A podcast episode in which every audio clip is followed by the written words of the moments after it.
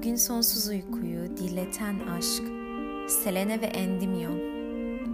Anadolu'nun her dağının ayrı bir efsanesi, ayrı bir aşk hikayesi var. Kiminde güneşin doğuşu bir başkadır. Kimi denizin muhteşem görüntüsü üzerinde kurduğu hakimiyetle aşkları barındırır. Doğanın uyumu ve güzelliğinden doğan aşk, hikayelerin en güzellerinden biri.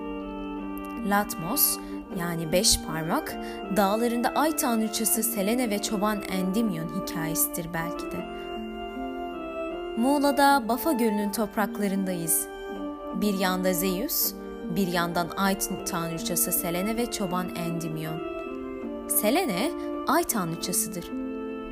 Her gece iki boynuzlu atın çektiği gümüş savaş arabasını sürerek ayın gökyüzünde solgun bir ışıkla parlayarak ilerlemesini sağlar.'' Rivayete göre gümüş tekerlekli arabasıyla gökyüzünde Latmos, semalarında dolandığı bir gece yeryüzünün seyre koyulur. Hatta öyle imrenerek bakar ki ölümlülere özenir. Onlar gibi olmayı diler. Ancak bu dileği gerçekleşemeyecek bir dilektir. Bu sırada Endymion gökyüzünden görür. Bafa Gölü'nün kenarında koyunlarını otlar iken kavalını çalan yakışıklı bir gençti. Endymion da Selen'in her gece yansıttığı bu ışığa karşı koyamaz. Bunun üzerine iki sevgili birlikte olmak isterler. Ama diğer tanrılar ölümlü olması sebebiyle Endymion'u Zeus'a şikayet ederler.